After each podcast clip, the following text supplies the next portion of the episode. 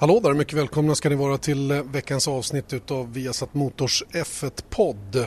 Den här podden som presenteras utav Bauhaus har idag en intressant gäst, tycker i alla fall jag. Han är teknikexpert, jobbar för eh, bland annat tidningen Autosport eller autosport.com, analyserar tekniska evolutioner på bilarna och sådana saker. Har mycket, mycket bra koll på eh, vad som är gjort på bilarna och, eh, grundläggande kunskap om hela startfältet faktiskt. Så att, det här är ett intressant samtal som vi har haft nu om ordningen teamen emellan och vilka innovationer som har gjorts och så vidare.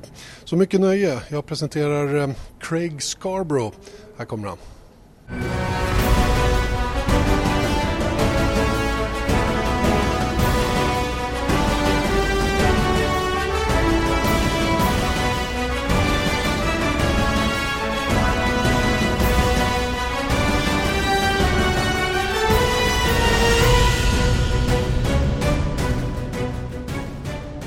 So this week's um, Formula One podcast, I have a, a, a technical expert uh, as as a guest, Craig Scarborough. Uh, normally, a um, technical expert for the guys at uh, Autosport.com.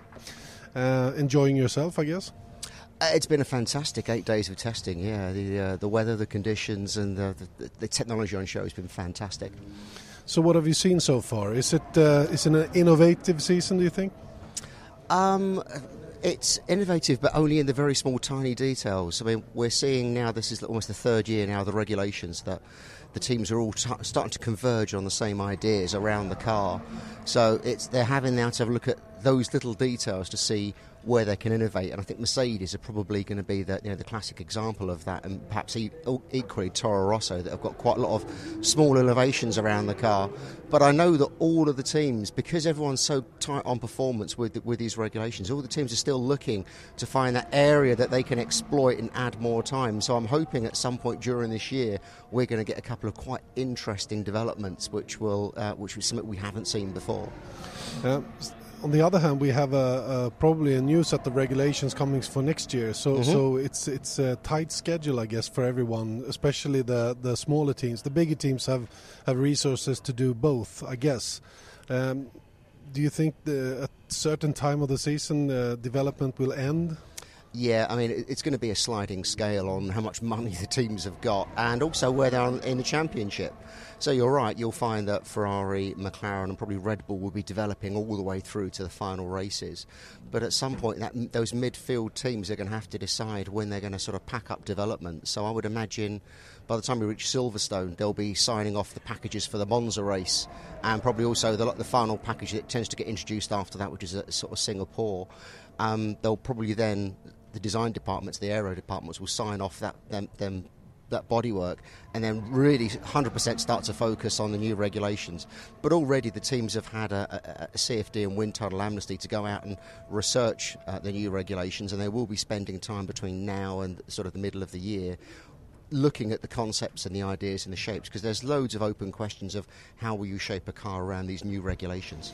How much of a setback is it that the new regulations aren't fixed yet? I think we're fixed enough for the general bodywork shapes. In fact, the regulations are on the FIA website, so they're a published set of regulations now. They can't change them without unanimous support now. So the teams will be able to carry on. It is still very, very late in the year. Uh, we're now into March that they've actually had a of regulations that they can confidently really start to invest resources in. So it is a problem. Most of these teams would have preferred, much preferred, last summer to be looking at these regulations and starting programs on, on the research and development for them. I think we can come back to, to the new regs later on in the podcast and, and concentrate on what we have at the moment. Um, starting with Mercedes, they look uh, brilliant. Can we say anything else? I mean, they sort of just build on a very successful car from last year. Yes, uh, absolutely right. I mean, the car is fantastic in every respect, and that's not just, you know, uh, un, unneeded praise. It, is literally the case. The car's good in slow corners, it's good in fast corners, it's good in acceleration, it's good on top speed, it's good on reliability, it's good with its tyre. Every aspect you could want in a, a car, uh, Mercedes has got. And this follows on from you know, last year and 2014 as well, where they've got this advantage. And we saw this sort of maybe with the Red Bull domination and before that the Ferrari. When you get the formula right, everything just starts coming towards you. And you know, we see Mercedes now start to play with the smallest little details. Again, as I was talking about the innovation, they've really worked some of these details very hard.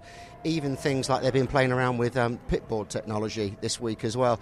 When you're able to do that, it shows just how far ahead of the curve you are and compared with your rivals that are still having to come to terms with you know the new year, the new regulations, and sort all those problems out, as well as find that missing performance to, to Mercedes. So, what's the secret then? Why is the Mercedes so quick? Um, I mean, we could talk for about one or two hours about this. Um, very simply, Mercedes invested a lot more time ahead of the new regulations in comparison with everyone else. So, when they bought the team from Brawn uh, back in 2010, the people that they were bringing on board, like Geoff Willis, Aldo Costa, weren't there to look at those first four Mercedes cars. They were there purely to look at 2014. So, just as Brawn benefited uh, from the increased development uh, prior to 2009, Mercedes have benefited in 2014, and that's brought them an advantage. They have a very slightly different car concept to everybody else. The car's a little bit shorter, it's a little bit more rounded and they, they're working some of the shapes around the car ever so slightly differently. To the, to the naked eye, it doesn't really look that way, but if you could exaggerate the difference, whereas you look at you know, the Ferrari, the McLaren, the Red Bull, they're very long and streamlined, whereas the Mercedes is shorter, slightly more rounded. Um, and that seems to be giving them an advantage. It's almost a, a slightly new direction in aerodynamic uh, philosophy and chassis philosophy because it has issues with weight distribution and how you work the suspension. So they've got all of those aspects right. Plus, of course, they've got that fantastic engine. So, you know, again, as we say, they've kind of got every element of the car together, and it's a very slightly different concept to everyone else, and that makes the difference. Is there any particular area on the car which is superior to the other? I don't think. I mean, you think you could probably say the engine, but then again, we do see the uh, Mercedes customer teams not with the same level of pace, still being outpaced by you know, Ferrari, for example. Although obviously 2014 Williams were that kind of next best team. So it's very hard to pick out an area. Um, the car's very well balanced. I think at the end of the day, that's what the drivers like, and it's got lots of downforce. So they're the kind of two key areas. But they come from hundreds, if not thousands, of individual areas around the car. So it would be great if we could just point to the nose or point to the side pods and go, there it is. But it simply isn't the case. It's the whole piece of engineering they've done there. Looking at Ferrari, then, who is uh, second in the pecking order, in my view, anyway. Mm-hmm. Um, they have done a rather big change on the car this year compared to last year.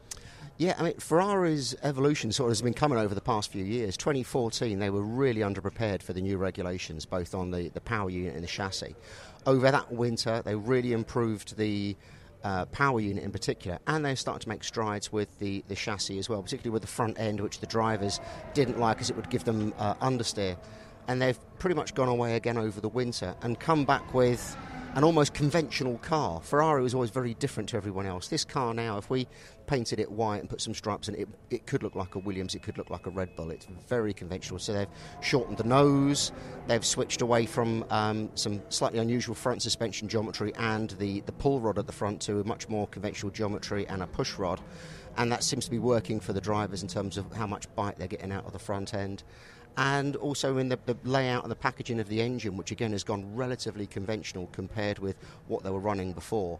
So they've kind of almost gone from 2014 now to a clean sheet design. And certainly the car's fast. Um, it seems to be generally reliable. The engine seems to have the power and the energy recovery that it needs. But I don't know if all that work over the winter has been enough to close that final part of the gap to Mercedes. Um, um, is that uh, is that uh, James Allison's work that we have a more conventional car now?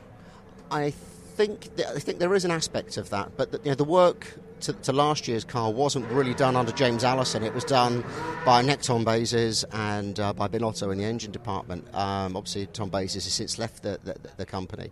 So I think they already had a view that they needed to change to what other people were doing. And I think James Allison brings a much more rounded approach. As much as he's an aerodynamicist, he understands the benefits of suspension, of um, radiator packaging, of engine packaging, and that all kind of shows through. So, you know, the credit does have to go to James Allison, but you know, I think Ferrari were, were clear back in 2014 that they were doing things wrong and they'd already started down that path. Another thing we have seen from James Allison's car in, in the past is that they're very lean on tyres. Do you think that's the case with the Ferrari this year? It certainly looks so so far. I mean, the Ferraris have typically been very good with their tyres, certainly in race conditions compared with. I'm not not to say that Mercedes are bad, but I think Ferrari had a slightly better race use of its tyres, uh, and the work they've done on paper would seem to suggest that that will go down that direction, that they will be good on their tyres. Hey, I'm Ryan Reynolds. Recently, I asked Mint Mobile's legal team if big wireless companies are allowed to raise prices due to inflation. They said yes. And then when I asked if raising prices technically violates those onerous two year contracts, they said, What the f are you talking about, you insane Hollywood ass? So to recap, we're cutting the price of Mint Unlimited from $30 a month to just $15 a month. Give it a try at mintmobile.com slash switch. $45 up front for three months plus taxes and fees. Promo for new customers for limited time. Unlimited more than 40 gigabytes per month. Slows. Full terms at mintmobile.com. Spring, is that you? Warmer temps mean new Allbirds styles. Meet the new Superlight collection. The lightest ever shoes from Allbirds, now in fresh colors.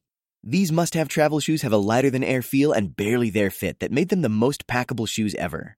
Plus, they're comfy right out of the box. That means more comfort and less baggage. Experience how Allbirds is redefining comfort. Visit allbirds.com and use code SUPER24 for a free pair of socks with a purchase of $48 or more. That's A-L-L-B-I-R-D-S.com, code SUPER24. Again, um, there's always that trade off between race tyre performance and qualifying performance. As much as the teams will tell you that you can have both, there is always some, some degree of trade off because it depends how hard you work in the tyres. So overall, it should be a fairly sort of benign car, very well balanced car from the way that he likes to engineer things, and certainly from looking at the design, it's going that direction. At the benefit for Kimi or for Vettel?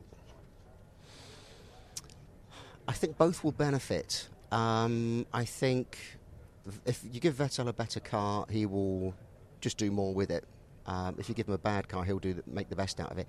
Kimi's a bit more on and off. I think would be fair to describe. So if he's got the confidence in the car and the front end, in how the, the rear end will stick when he's throwing it into a corners, then he'll feel the confidence. And I think the better car you give Kimi, the better he will be. Um, so in some respects, yes, you could probably say it will end up being better for Kimi, not because of anything specific, but pro- because it will boost his confidence in dr- the driving more.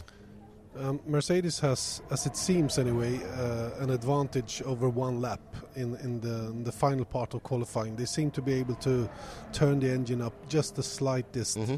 more than anyone else. I guess, I guess, this is a hard question. Do you think that Ferrari has that uh, ability also this season?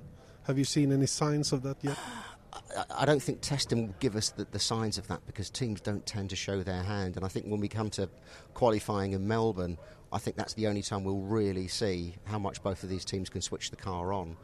Um, I don't know if Ferrari. It depends what they've really done with the power unit and with the fuel and things.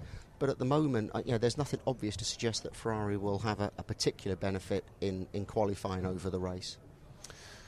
We have seen another car doing very well so far this this test. That's Williams. Mm-hmm. Uh, Williams, who, who, had a good car last year as well, and they have, uh, as they say anyway, worked on, on slow speed corners, downforce mm. in the slow speed corners. Have you seen any signs of improvement? I, I was out on the track a, uh, a couple of days ago and looking at the cars when it was particularly windy, uh, I have to add, and I didn't think the Williams looked as stable and as balanced and planted as other cars that were lapping in the same conditions.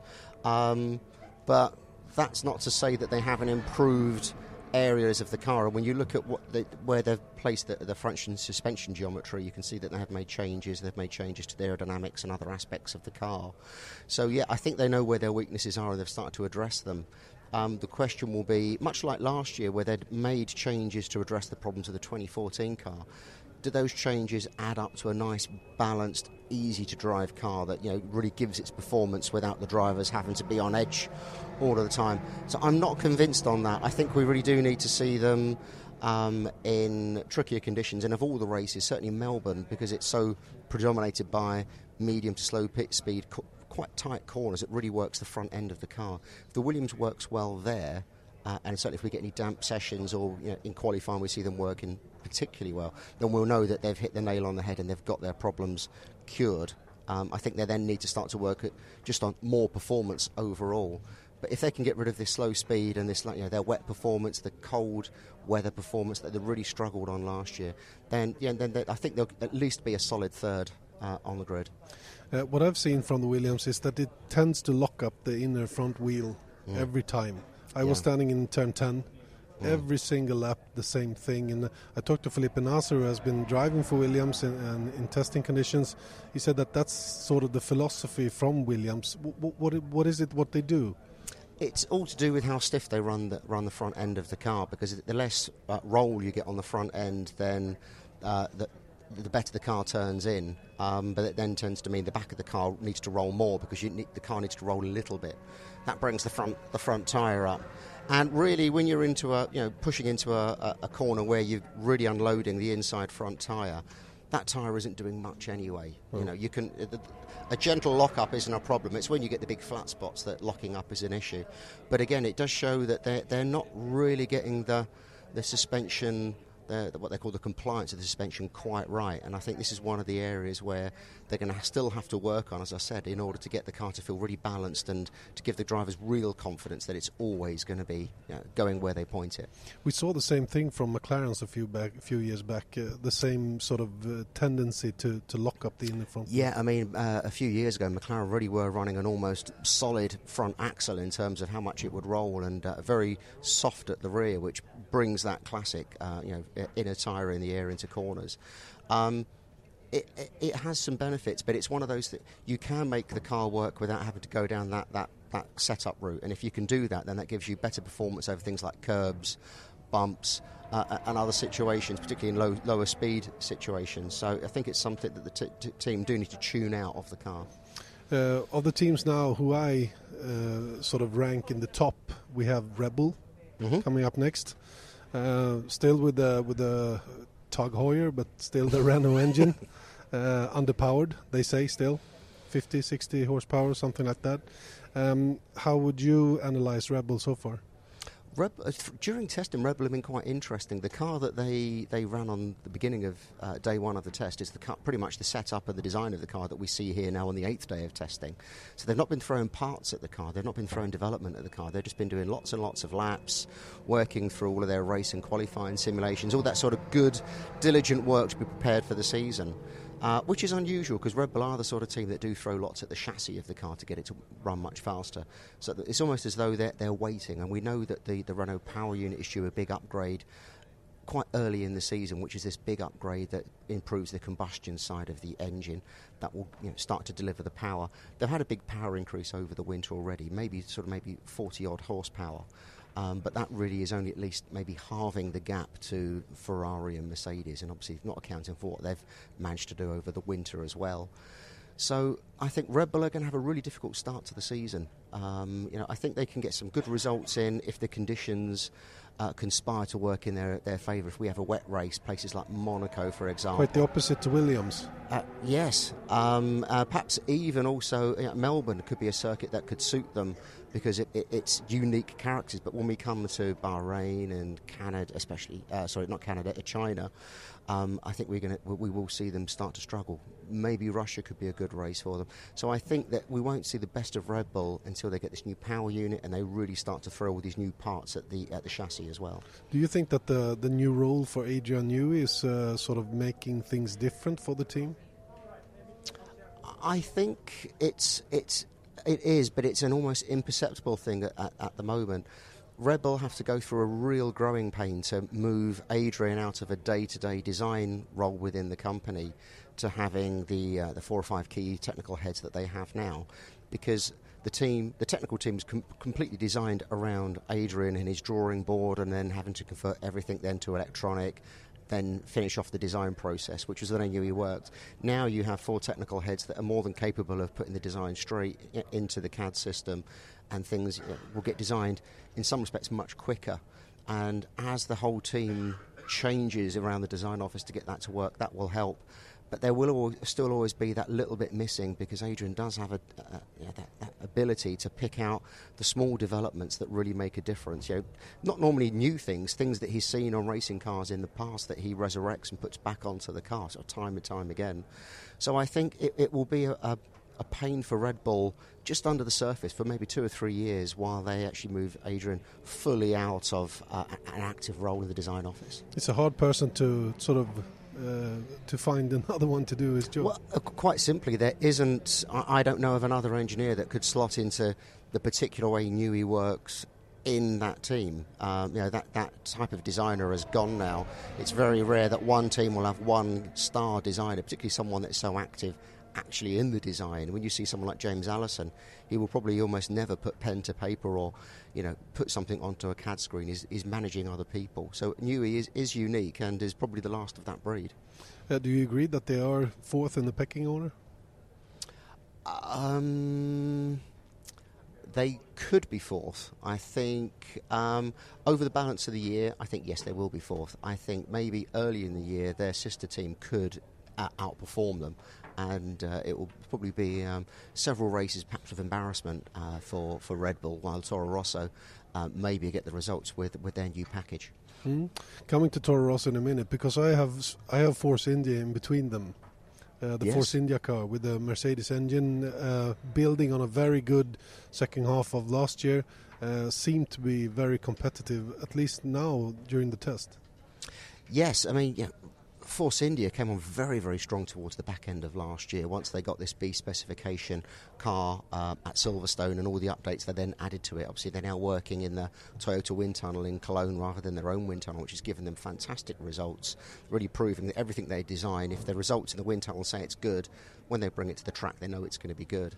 Uh, the car they've released looks almost indistinguishable from, from last year's car, and that is them wanting to have continuity from the design process that they kicked off, you know, sort of the middle of last year. There are new parts to come to that car, and they've had a very solid test. They've not been blindingly fast. They've not had, they've not done the most miles, but equally they've not had problems. And you know, Force India, as has been happening over the past few years, are getting closer and closer to that, you know, sort of top three or four um, through the course of the season. Uh, I think for them to lose that last position in the championship to, to McLaren last year was slightly unfortunate, but um, definitely they, they could be a dark horse. But I don't think we're going to be seeing them jumping onto the podium, but they'll always be finishing races, you know, of fourth, fifth, sixth, so consistently that the championship performance at the end of the year will see them in a very good position, I imagine. The next team is then Toro Rosso, uh, which uh, people uh, very much thought had the, maybe the best chassis of all last year, and they also building on that uh, for this year. And but this year, of course, with the, with the last year's Ferrari engine, how do you see them?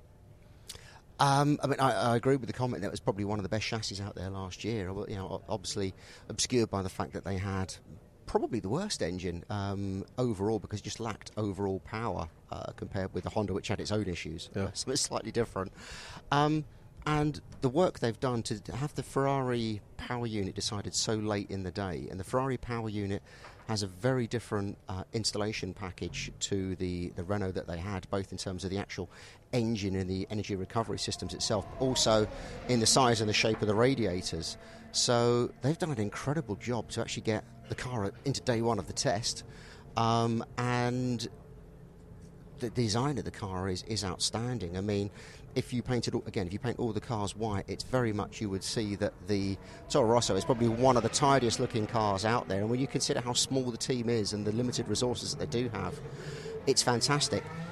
But we know from Sauber last year that that Ferrari engine is very good indeed. Yeah. And the engine I understand that Toro Rosso are running is not just the Monza specification Ferrari, but also includes some of the developments that were homologated towards the back end of the last year, tested in free practice, but never actually raced. So it's almost uh, tw- the, the, the very last of the 2015 uh, 2015 B. evolution. Yeah, quite Sort of. literally. So Yeah. it's a very good engine, and it's probably got something like more than 80 horsepower than the Renault had. So you know the drivers are reporting a real punch in their back from from this new power unit. Um, don't think they're going to go with a new power unit from Ferrari for this year. Uh, and they can't get many more updates to the power unit they have because of the regulations. So, unfortunately, something their performance will start to tail away on the power unit side this year. But I think as they start to bring yet more stuff to the chassis, I, I- think they could have a very strong year. And this balance between Red Bull, uh, Toro Rosso, and as you say, Force India in the championship over the, the full run of 21 races. Yeah, I, w- I wouldn't want to. I wouldn't want to place a bet on, on which one of them will come into which order. Um, how much is how much of this uh, good work on the car is James Key's work? It's again, it's very hard to, to attribute uh, praise to single just one individual. But Ja- James Key is, comes from a, a, a long, a long history of teams with limited resources. He started out, you know, in, in Jordan. He's very much uh, a race engineer with a very strong design uh, mind as well. So as much as he's not actually drawing the car, he knows what you need to get the best out of the cars. And when he came to Sauber, we saw the improvement in the performance of the Sauber. The targets he sets, you know, all the different teams uh, within the, uh, the departments within the, the, the team, you know, in terms of the aero figures, how sensitive the car should be, how the suspension should work, how compliant it should be. He sets all the right targets, and you end up getting a very good race car out of this. Maybe not always one with a, the fastest outright pace, but one which gives the drivers confidence, which gives lots of performance lots of different tracks throughout the year and ends up getting a very good championship performance. So yeah, I think we can we can you know give James a, a pat on the back to really say that it, this, this this is his direction has led to this. Uh, behind the teams we have now uh, gone through, uh, it's harder to find a, a certain pecking order, I think anyway. Uh, we have the Renault, we have the McLaren, we have the Sauber, we have the Haas, and we have Manor. And uh, for me, it's uh, Manor maybe the, the slowest team of them, but but uh, in front of them, it's it's really hard to pick one. But we have to. So so I I say Sauber because I'm Swedish. so what do you say? It, again, it, I th- it's going to change through the season. You know, the McLaren isn't looking great at the moment. Um, it started to improve with the, with the new Honda Power Unit, so we can expect them to improve from their early testing performance as the season goes on. The Sauber's looking very good. It's obviously got the latest Ferrari engine, we they know is very good. Um, they've it's the compared with last year, it's an all new car. Um, it maybe doesn't look visually very different at the moment. There's more bits to come on the car, but when you start to see the again the engineers that are now behind this uh, program, with uh, particularly Mark Smith now as technical director, again another very experienced guy that knows exactly what you need from a race car to get the best performance out of it. So Sauber could could be a bit of a dark horse because I think most people would place them second from last uh, because of the, the recent season's performance. Uh, Haas, very hard to predict. They, they could jump up much higher up the grid than maybe even this back order. Um, they've had a few technical problems, but this is literally their eighth day of running a Formula One car, and the performance that they've shown already shows the car's very good. We know that all the Ferrari mechanical underpinnings, and this isn't just the, the power unit and the gearbox, but you know, literally every other aspect, the Ferrari fuel system, the Ferrari brake pedal, the Ferrari steering wheel, every part of the car, um, apart from the, the aerodynamic bodywork and the, the structure of the chassis, is Ferrari. So they get a great advantage from this. And I've seen a level of complexity on their uh, aerodynamic design which shows that they're not just going to be a team that is trying to get onto the grid. They're going to be a team that's going to jump very quickly to the middle of the grid. Um, but it may take them a while to find their feet as a team to get you know regular good performances and then start to really add the performance to the car. So if I had to pick a best of those, yeah, yeah uh, probably certainly for the start of the season, I wouldn't be surprised if Sauber put some good performances in in those early races. Um, coming back to the Sauber car, uh, many people in Sweden uh, doesn't see the difference in the two cars from two, 2015 to 16. Um, I've talked to, to people down there, and they say it's it's uh, narrower through the, the side pods, and and also the shape and the back end of the car is, is different. The the engine itself is quite different in terms of how wide it is. It's much higher now. Uh, can you sort of explain what they have done? They're trying to, to, to run the car with more rake as well. Yes, well, the- it's it's an all new car, and if we remember that last year's car was very much uh, a- a very simple evolution of the, the the 2014 car, so this is automatically would be a big step for the team because you gain a lot by just redesigning everything. But as you say, it's the power unit. Ferrari have significantly repackaged the power unit. If you could typify the shape of the 2014-2015 Ferrari unit, it was a very long and quite wide. Um, they've repackaged where they put the part of the energy recovery systems behind the engine to beside the engine, which slims the uh, gearbox area, and they've also changed the area above the engine uh, to, again to a more conventional design. And this then pr- produces a much shorter, uh, narrower engine setup. So when you give that to the chassis designer, it means that they can start to bring the rear bodywork in much tighter, which means you get much better airflow to the diffuser and the rear wing, which gives you more downforce. It means you can run less drag, and it has loads and loads of other benefits.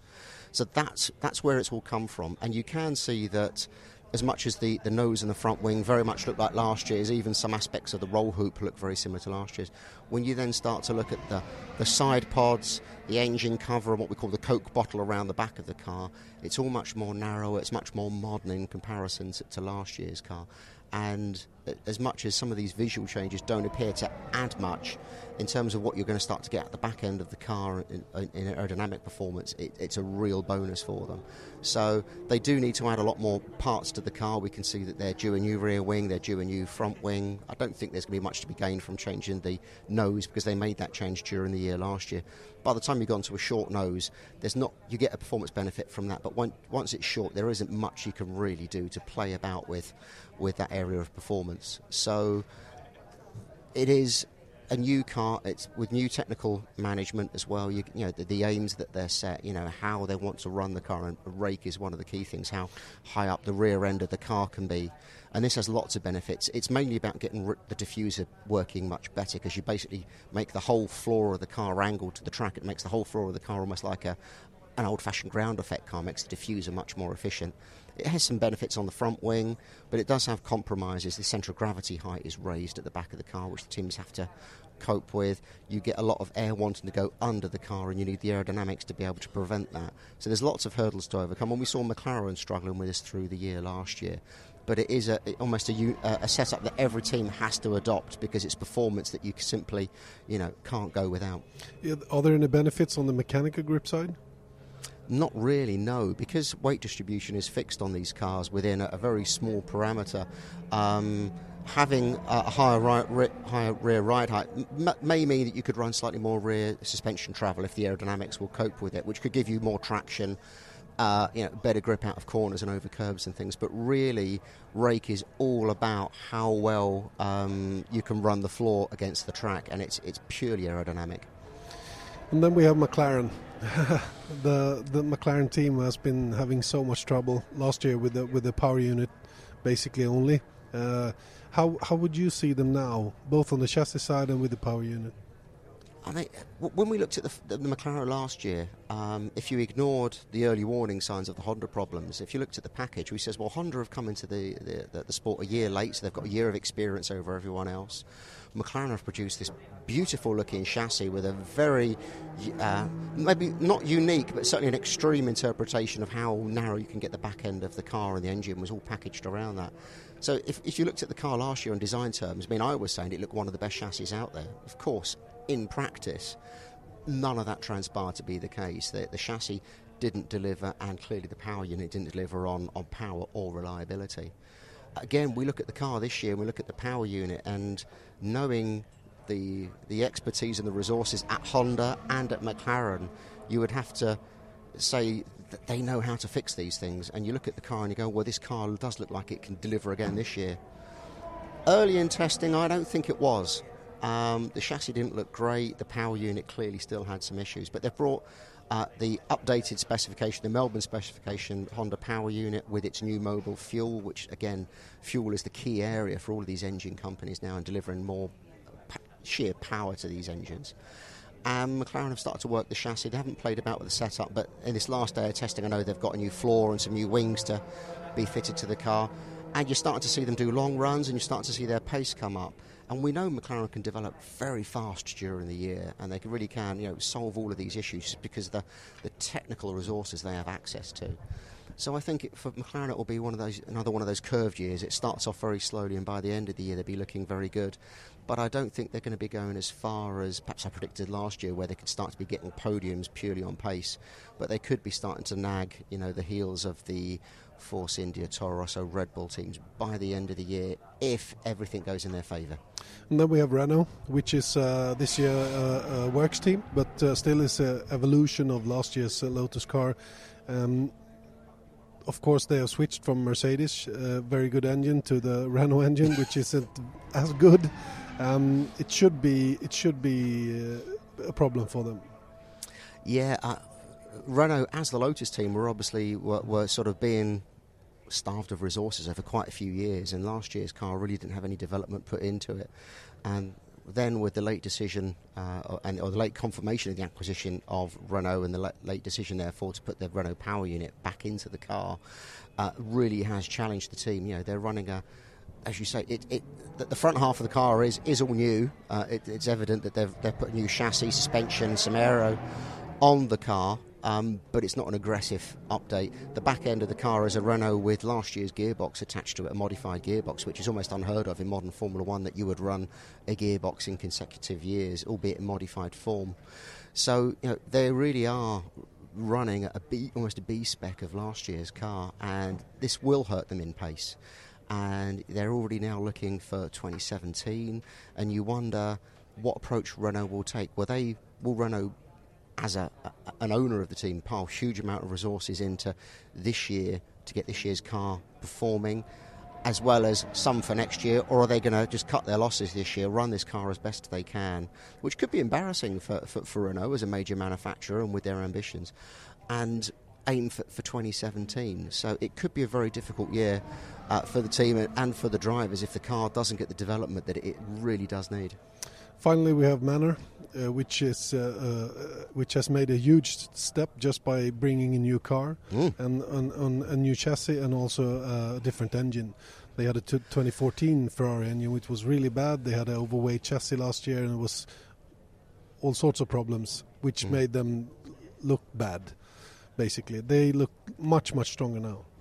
Yeah, it's it's heartening to see a, a team that is so organised and prepared for the year as Manor have been this year. Because certainly, you know, with the with the terrible situation they were in last year, it was you know really embarrassing for a, a group of very good engineers, mechanics, and all the people that run the team to ha- be in such a a disorganised situation. But you're right that the, the car is it is all new. The, the chassis is clearly very different. Um, I think they've got a lot more bits to come on that car with a new nose and wings and bits and pieces, uh, which it, which it does need. Um, and they've got this Mercedes engine, which compared with the, the 2014 Ferrari engine, must be a huge boost. Unfortunately, they haven't got any continuity with their drivers, but I'm sure if um, uh, any of the old drivers jumped into that car and drove it, they would really feel feel the difference It's on the power unit alone. Is it like 100 horsepower? Or? I think that wouldn't that probably wouldn't be. I mean, the 2014 Ferrari engine was probably about 60 horsepower down on the Mercedes of the time. When you think of what Mercedes have added to that power unit over the past two years, probably 100 horsepower could actually be a, a slightly conservative estimate. So, yeah, that's almost a second a lap just with the power unit alone, not accounting for all the other benefits. So I think they're going to have a much better year. Um, hopefully, you know, the investment will continue to come, and that car will evolve during the year. Uh, you've got an odd mix of drivers there. Um, I'm not quite sure how much performance they're going to be able to pull out of the car, but certainly um, it's. They may well be at the back of the grid, but I don't think they're going to be disgraced in doing so because someone has to come last, and they really do have, you know, a quite promising package starting to come in there. And they have closed up the gap definitely uh, Uh, by yeah, like three yeah, seconds or yeah, something. Absolutely. Yeah. Finally, before we end this uh, this podcast, which has been very interesting, uh, special guest today is Craig Scarborough, technical expert. Um, talking about next year's regulation, then uh, Mm-hmm. the dif- the difference in the cars from this year to next year. Okay. Um, you can look at this two ways. Um, you can try and visualise next year's car as an evolved version of this year's car, in which case it will be wider. Both the, the wheelbase will be wider, the wheels, the tyres themselves will be wider, and the central bodywork will be wider. The rear wheel will be lower and wider. Um, or you can actually almost look back to the, the, the cars of sort of before 2009 when they were very much that sort of size and shape anyway.